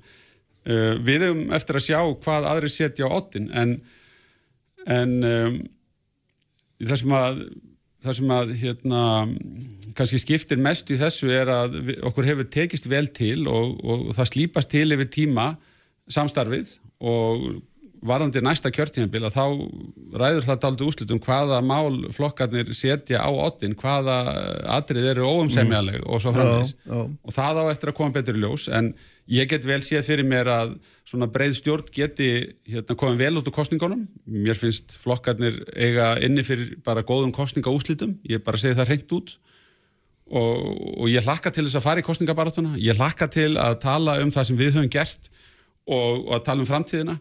Mér finnst uh, svo margt spennandi vera í deglunni og geta gerst á komandi árum og það sem að mér er kannski mest umhugað um er að okkur hefur tekist að skapa hér aðstæður þar sem að hefur ríkt stöðuleiki, við erum með lægstu vexti í sögunni, fólk fær húsnæðislán á kjörum sem aldrei áður hafa sérst, kaupmáttur hefur aldrei verið meiri, það, eru, það er hagvöxtur í tölunum. Og og það er, það er verið að nýta ný tækifæri á Íslandi sem að hérna, munu leða til mikillar verðmættasköpunar við höfum verið að sá mörgum fræjum með því að efla rannsóknir nýsköpun. Og það er bara það er bara, það er bara góða líkur á því að næstu ár geti verið uppskera. Já, en um leið er það þannig óumdeilanlega að það er hluti hluti íbúna sem situr eftir það hefur orðið mikil hérna, þeir sem hafa eiga áttu eignir fyrir og hafið aðgangi fjármangin þeir hafa hagnast en það er góðu hluti sem að situr eftir. Það er rétt hjá þeir að hérna, þeir eru ekki að upplifa uh, einhverja uppsefli í hækjörnu sem að sitja eftir með salt ennið. Ég meina allir starfsmenn Æslandi er meirað að minna að fengu uppsögn í fyrra. E, stór hluti þeirra sem hafa verið að vinna í tengslu við flugvellin á Suðunisjónum er atvinnulus um, þannig að það eru hópar sem að sitja eftir vegna þess. En ef þú skoðar stöðu þessara hópa hjá, í bankakerfunu til dæmis þá hefur hún ekkert vestnað í líkingu við það sem gerðist hérna í fjármálarhönnu og, og það hefur ekki upplifað óðaverbolgu heldur. Og uh, við erum að glýma við þessa veiru sem er tímabundið ástand, það mun líða hjá. Og þá getur hagkerfið aftur tekið við sér og umsufin vaksið á ný. Við sjáum bara alla umræðinu sem er í tengslu við keflaugur flugveld einmitt á síðustu dögum. Þeir eru uh, verið að benda á uh, ekki bara stofnun í flugfélags heldur að Erlend flugfélag séu að horfa til þess að byrja ferðir hingað þegar að himnarnir opnast að nýju og svo framvegs. Þannig að sko, það er ekki öll nóttu út enn og við höfum staðið með þessu fólki í gegnum aðunleysis bóta kerfið, framlengt tekjutengta tímanbilið, hækka bæturnar og svo framvegs Þannig við erum að reyna að brúa þetta bil og miða við aðstæður finnst mér að hafa tekist ágætlega og ég eh, tel að það sé engangu með því að hvetja enga geran áfram sem að við eigum einhverjar vonir til þess að atvinna ástandið lægist að nýju. Og við getum farið fram úr vendingum ef við erum tilbúin til þess að, að um, skapa skilir því og hérna bara þetta er ekkert floknar en það, ef, ef menn hafa trú á framtíðinni þá stíga menn fram og láta til sín taka. Mm. Gott og vel, látu það vera loka orðin Bjarni Bindinsson, takk fyrir að koma. Takk fyrir mig. Það er verið hérna að vera Margret Jónsdóttir Njarvík og Auður Óttisson, við ætlum að tala um arðbæriðni hamingun á landsbygðinu, hvorki menni minna. Réttir þjóðmál og pólitík. Sprengisandur á bylgjunni. Það er hvað sem er, hvena sem er. Bylgjan Uppspretta frétta á Sprengisandi á bylgjunni. Já, sælir aftur, hlustendur Bjarni Bensson, fjálmarar á þara farin frá mér. Eh, en það eru sestar hérna Marget Jónsdóttir Njarvík og auður í Ottesen. Eh, það eru báðar úr félagi Kvenna í atvinnulífinu og hérna tóku þátt í ráðstöfnu sem var bara í gær verið velkona báðar, var það ekki í gær? Jú, þar sem fjalla var um það hvernig hægt var að auka arðbærni hamingunar á landsbygðinu, þetta er náttúrulega frábær hérna, til dilum ég ást áhugavert að heyra í ykkur um þetta, af hverju og hvaða markmið hérna, þið hafi haft með þessu og, og svona Uh, að því að þetta er alltaf svona sett inn í þess að það samingju um það að störf getur orðið verið allstaðar og þess vegna getur mann eldur einmar sín og búið á selfos eins og þú gerir auður eða, eða upp á bifröst eins og þú gerir margætt hérna, og, og, og, og synd þeim störfum sem þeirra voru annars bara að sinna einhverstað annar starf. Mm. Það er svo stóra breyting sem er að verða og þetta mun auka haga landsbyggðarinnar, er, er það ekki svona grunntónin eða hvað? Jú, akkurat, því að uh, við settum tónin með því að þetta er ný heimsmynd sem COVID gefur okkur, því mm. allt í einu geta allir tekið sumfundi eða tímsfundi. Það er engin hindrun lengur svo fremi og hafið góða nettengingu og 99,9% landsmanna hafa hana núna mm. og góða samgöngur. Skilirinn eru fyrir hendi og, og fólk er meira að fara að hugsa ég sinna ákveðinu verkefnum, ég býti vinnutunum sjálf á mig og, og fólk leitar alltaf að betra lífsgerðum. Fram til ásins 2007 þá leitaði fólk í stórborginnar, held að tæki verið að vera þar, en nú er öldunönnur, heimsýninönnur og til dæmis hefur íbúum London fækkað um 10% í COVID. Fólk leitar þangað sem að meiri lífsgæði er að finna. Mm, já, og mælir þá lífsgæðin kannski aðeins öðruvísi heldur en heldur en maður gert 2007. Með því að góð leið til að hækka launiðin er að eigða minnu. Já, það er, er þetta besta leiðin. Já. Já. Og svo er það þegar þú ert út á landsbyðinni þá sko er stutt í allar vegalendu, þú nær því bara þarft ekki að bíla halda og þá er það, þá er maður líka að hugsa um umhverfismálinn mm. til bóta og, og það er í rauninni allt til alls og líka þetta að geta tekið upp síman eða farið í tölvuna og ég er á selfos og ég hef engan mun fundið eftir ég fór með mitt útgáfa fyrirtæki þar Nei. þann selj ég bara mínar auglýsingar og tek minn viðtöl í, í hérna, síma eða þá bara keiri og það er Þetta er vegalendi til Reykjavíkur, þetta er 45 mínútur. Já, þannig að þarna, þú ert að gefa út uh, sömarhúsi og gardinn. Já, tímaritið. Já, tímaritið og, og þú ert útgjöndi fullu starfi eins og sagður mér líka þann að þú væri smiður og gardirski fræðingur, þannig að það er nógu að gera pluss plus svo ert í svona ferðarþjónustu eða upplifunar þjónustu getur við kallað. Já, raun og veru það er nýjasta varana því að Já. sko í COVID þá fórum við með, vorum mikið að námskeum og þau fóru þá netir. Já og þá kendi ég 300 manns á netinu að rekta græmiti og krydd og ímislegt annað í Garðikju og var svo með það sko, á Facebook í eftirkennslu þannig að fólki sendir myndir þannig að þetta er sko, veruleikin er svo breyttur. Já. og svo sá maður fólki í mynd og, og, og kynntist í aðeins og, og það verðar svona ákveðin kynni líka. Þannig að, að snertilust náttúrulega. En, en hérna og síðan er ég að finna það núna að fólk er að verða aðeins leitt á að uh, hlusta. Eða sko námskeiðin það er svona vill síður vera að hlusta á svona einhvern eitt sem að uh, hérna tala viðstöðlust og það er að verða líka svolítið leitt á þessum endalísu sumfræðslu og þá er ég komin á stað með upplifun sem er á staðnum, já náttúrulega kannski þetta þróana hvernig ég get gert það á netinu. En hún er á staðnum, þá býð ég heim svona 60 tíman á hópum uh, í krydd upplifun og það er sko allt litrikt hjá mér. Og, og hérna og þegar sumra þá verða sumablóminn sko uh, jetin á þessu, þessu upplifun. Og síðan fyrir við út í gróðurhús, ég með tvö gróðurhús og þar fær fólkið að nálgast hérna jarvegin, koma við og þar gerist undrið. Það tekur grælinga, býtir plöntur, fer með fullt fangi að plöntum. Og þarna er ég raunin að selja hamingju af því að ég hef séð þarna, ég er búin að taka mótið nokkrum hópum og ég man svo sérstaklega eftir einum uh, eldri manni, konan saði áhuga á Garðurki, en sko ekki hann, það var bara, það var með svo full á svipin þegar við vorum í kryttinu, en þegar komum til gróðurús og þá gerðist eitthvað. Og svo var hann maðurinn sem spurði áttu fleiri potta, áttu hvað meira? Áttu, ertu? Já. þannig að, að þetta er það sem að sko, þetta er svona ákveðin þróun Já. og maður þarf að vera vakandi Já. fyrir þessu fyrir tækifærum í þessu og það eru við sko, sko ég er ekkit alltaf að þessu eina því að það er á Suðurlandi eru fjöldi kvenna í FK mm. og við erum að nálgast hundrað og það streymir fólk á Suðurland Selfos hefur aukist um, íbúafjöldin aukist um uh, tæmlega þúsund manns í tvö ár og það er ekkert látt af því. Nei. Það er bara allir að koma. Mm. Svo er kannski öðruvísu fólk að flytja landsbygðin en áður var því að e, fyrra árum þá fóst út á land eða þú vildi vinna í landbúnaði eða mm. fiski. Mm. Núna flikist háskólamenta fólk út á land. Já. og ég frætti að mitt að svo sætir sögu af, af unga parinu sem er að flytjast á Siglufjörð þar sem ég er nú mannan fótinn, hann er verkfræðingur og hún verður í fjarnami frá sendir að Íslands í Oslo hversu sætt er þetta? því að fólk velur að vera í litlum bæjum, alveg börnum sín hafa þetta öryggi þar sem getur gengið allar þennan ferða mm -hmm.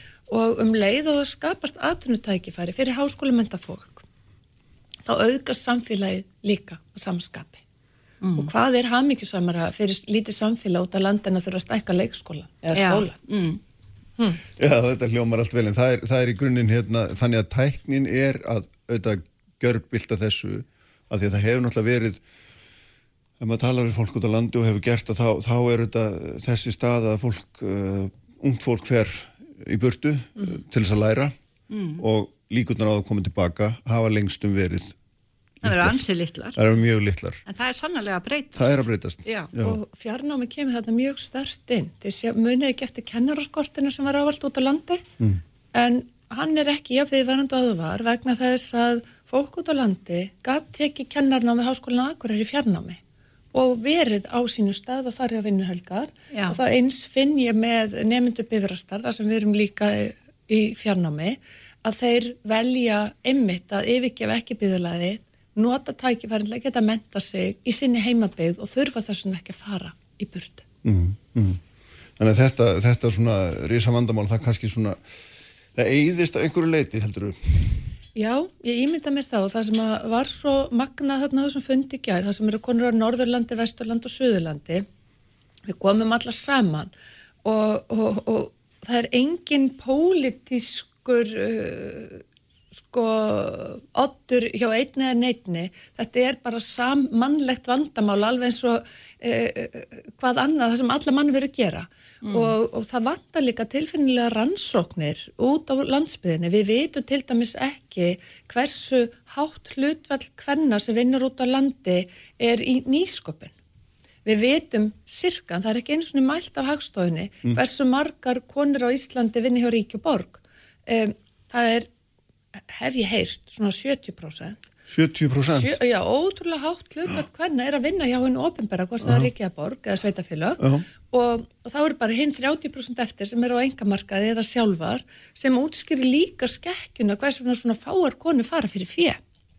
Mm. Og, og ég hef bara svona akademiskan áhuga á því að kortleggja svolítið eh, hversu margar konur er í eigin rekstur út á landi því að ég, mér finnst það vera miklu algengara sér hver sveitabæn, þetta er sjálfstætt rekstur eining og í, ef þú lærir þér enga þjálfin þá ertu með þína enga þjálfin á stöðu eða þú lærir þér eitthvað þá kemur aftur í byggðalagsins með svo mikið ríkidæmi í farteskinu og stopna mm. í fyrirtæki. Mm -hmm. e, við veitum til dæmis að frumkvælastar sem er meðal hvenna í Afriku miklu hærri heldur en í Evrópu og muni ekki hvernig það var þegar allir inn í hjá böngunum mm. og svo fór fólk að búa til eigin fyrirtæki og þetta er eitthvað sem ég hef afskaplega mikinn áhuga á að við skoðum betur svona rannsóknarlega En hvernig, hvernig háttar þá til dæmis slutum að því að nú er, nú er þetta líka önnur saga sem er þá vinnur gegn þessu sem er það að konur hafa gætna hvart að eru þær fái lítinn aðgang af fjármagni. Hvernig er það auður hjá ykkur til þess að allar þessar bara, konur í, í, í, í félagi hvenna í aðunlífinu á Suðurlandinu? Sko það er bara þannig með fjármagni í böngunum ef þú áttu eitthvað sem getur veðsett þá, þá komaður með dreilin sko. Já. Ég verið báðið með með það þröskuld. Og lengi verið í útgáfinu þá var það bara, það var liður hjá í sko skjölum hjá böngunum og það áttu ekki útgáðu fyrirtæki áttu ekki að fá lán bara yfir höfuð því þau voru áhættu fjárfyrsting en, en ef þú átt fastegn þá er það gildir það nákvæmlega sama og, og, og, og það er bara svolítið liðin tíð að frá því hann Stefán í búnaðabankunum vísaði konum á bög og sagði náðið reyjimann og ég, er, ég var þar 80 eh, eitthvað og hérna Þú férstu þessi sör sjálf? Já, já, já, já, já Og, og, og ég gerði það ekki, ég fór í sparisjóðandi Baldvins og hann tók í höndunar og, og saði svo, ó þeir konur eru svo duglegar og menna þetta voru við þegar við á þeim tímum áratögnum þá. En það er bara svo gerbreytt og núna erum við bara herskáar og við erum bara svo helviti fyrir ekki, lóta helviti klárar og, og, og, og svo vinnum við svo vel saman. Og það Já. erum við að finna þarna á selfhósi það er þessi gríðarlega samvinna því að í þessum hóp sem eru þar í FK að þar eru við með grafískan hönnu, við erum með fólk sem getur búið til texta og kann allt á Facebook, fólk sem getur búið til kerti og alls konar innavöru og svo bara möndlu við saman mm -hmm. og, og það er í fámenninu þá njótu við svo góðsvað hvor annari, Já. virkilega og, og svo líka vil ég nefnilega segja það að út á landi þá er húsnæðisverð sko þriðjungi ef ekki fjórðungi ótýrara og ég fór uppalega og selfos og keipti þar á, á sko brunaútsölu hús sem ég er enda búin að gefa upp og kom sér vel að vera smiður og, og það, er eitthvað, það er eitthvað sem ég hef aldrei átt kost á í Reykjavík. Aldrei nokkuð tíma, ég hefði bara verið einhverju aumingi í Reykjavík. En svo bara fór ég sem drottning á selfos Talandu um konur á peninga, það var svo skemmtileg saga í kjær af konu sem var á rástafnunni og hún saði okkur frá því að hún er með mjög stórt uh, byggingaverkefni Já. og lóðir og skipula og fóru heiti bankan nema þar mætti hersveit á konum Já, mætti konum bara já, frá bankanum já, að heita þau hjónin. Mm. og því að við, við, við mættum jáfnveil fara einmitt að aðgræna bankana eftir þessu. Við ætlum bara að segja frá því, þetta var Íslandsbanki mm. það sem er kona í, í, í, í hásættinu og þetta kom ennum menning. Já, algjörlega, algjörlega. En, en uh, því að ég, ég man bara þessi, þessi tilfinning að, og konu kvart undan því að þær Já. fá aldrei lán nema að setja ekki veið í húsinu þeirra. Mm. og meðan kallarnir þeim tekst að búa til svona stærri fyrirtæki mm. þess að þeir eru alveg stikkfrið að fyrir hausin og ég hef svolítið séð það í ferðarþjónustunni mm. hvaða fyrirtæki fara bara hausin það eru þau sem er ekki með veið í eigin húsi -hmm. -hmm. Já, já, já. Þannig að þarna svona, og niðurstaðan að þessu öllu saman hefur verið sem sagt svo að, að hérna, með þessum kraftið þá tekst að auka arðbærni hamingjuna á landsbyðinni og að laða fleira fólkangað og hérna Jú, og sljóta fleiri stóðum undir, undir já, samfélagin. Já, og veldu líka og, já, og velsælt og, og það er bara svo merkilegt þegar maður er komið svona út á ég hefði aldrei trúið því að ég myndi valla fara til Reykjavíkur í, í núna bara fer ég valla veist á höfuborgun, já fylgt af vínum hér. En, en ég reyna að komast undan því að því að manni líður bara svo innilega vel og, og hérna vill bara orði vera þarna. Og, og selfos er allt til alls og rúmlega það Já, ég segi bara, ég ætti bara að skila búið, komiði þú farið far, hérna þú sendir selfhórsbæpar reikningin fyrir, fyrir kynningastarfinu. Já, feitan. Já, feitan reikning. En, en selfhórs er náttúrulega stór bæri á íslenskan svona mælikvarða en það er náttúrulega til miklu smerri bæri þar sem já, þetta er nú kannski ekki alveg jafn einfalt eða hvað, ég minn er ekki mikið munur að hlýtur að vera það líka? Jú. innan hérna, landsbygðin er ekki öll, hún er ekki keimlík, hún er mjög ólík Nei, ja, mjög, og það sem við vildum líka vekja miklu aðtegli á og það er að byggðarstefna hún, hún virkar yfirleitt á Íslandi réttur kostningar mm. en núna er búið að sína það og sanna þú getur unni hvað sem er þannig að það er ekki bara á ofinbæra heldur líka á enga geiran eh, stækkaðu mengi sem velur úr, mm. fyndu besta starfsmannin þó sé á þórsöfn og rátan í vinnu, það skiptir mm. einhver máli mm. því að, að um, fjarlæðarnar er ekki lengur þessi hindrun sem það voru mm. og þarna erum við líka að opna möguleika fyrir unga fólki farðu þar sem þú er ódýrar að lifa og þú getur unni hvað sem er mm. og því að mér er mikið verið að tala um náttúrulega einmitt í þessar tengslu við byggðastefnu og ríki þurfti að gera þetta og hitt en raun og verið er því að segja að tæknin mm. einu sér, hún er það sem þarf að, þarf að leggja fram og þá reddar fólk restinni, er það ekki? Eða hvað? Jú, algjörlega, þetta er svo mikilvæg grunnstóð og, og fyrir unga fólki sem eru upptekið af umhverfismálum, sem eru upptekið af lítilli neyslu, um, gildin hafa verið aðala í að mm. vera kannski bara vegan og borða ekki kjöt, það má líka útferða þau, hvernig getur þú með þínum goða lífstil bjarga landinniðinu, farðið mm. með háskólagráðunaðin út á land mm. og bættu samfélagið það. Já og, og gerðu all landi verðmætara. Já, og umverðað þungin mingar, það er náttúrulega eitt stór vandamáli hérna svifur ekki Reykjavík. Já, já, já. Er ekki betra að vera hjól út á landi? já, það seg, segla sjálft. en þitt, hérna, erindi margir svo við ljúkum eins og það heitir, heit, hérna, hvað svo? Já. Leð mér bara að spyrja þig, hvað svo? Já, hvað svo? Eh, þarna var það í fyrsta sinn sem við leittum saman alla landsbyðadeildirnar og við fundum þennan frábæra samhljón og við munum vinna áfram saman að verkefnu sem var, varða konur í, í stjórnun, konun í atverðinrækstri, þetta er kannski henni í að kvennfélag frá tíðarna, hvað segir maður, Já. vegna að þetta er allt annað raunveruleiki kvenna og við tengdu svo vel saman og við hlustum að erindu konu sem býr á Hægranissi, alveg býr Reykjavík, var í Danmark og býr til fæðuótbótarefni sem hún selur út um allan heim.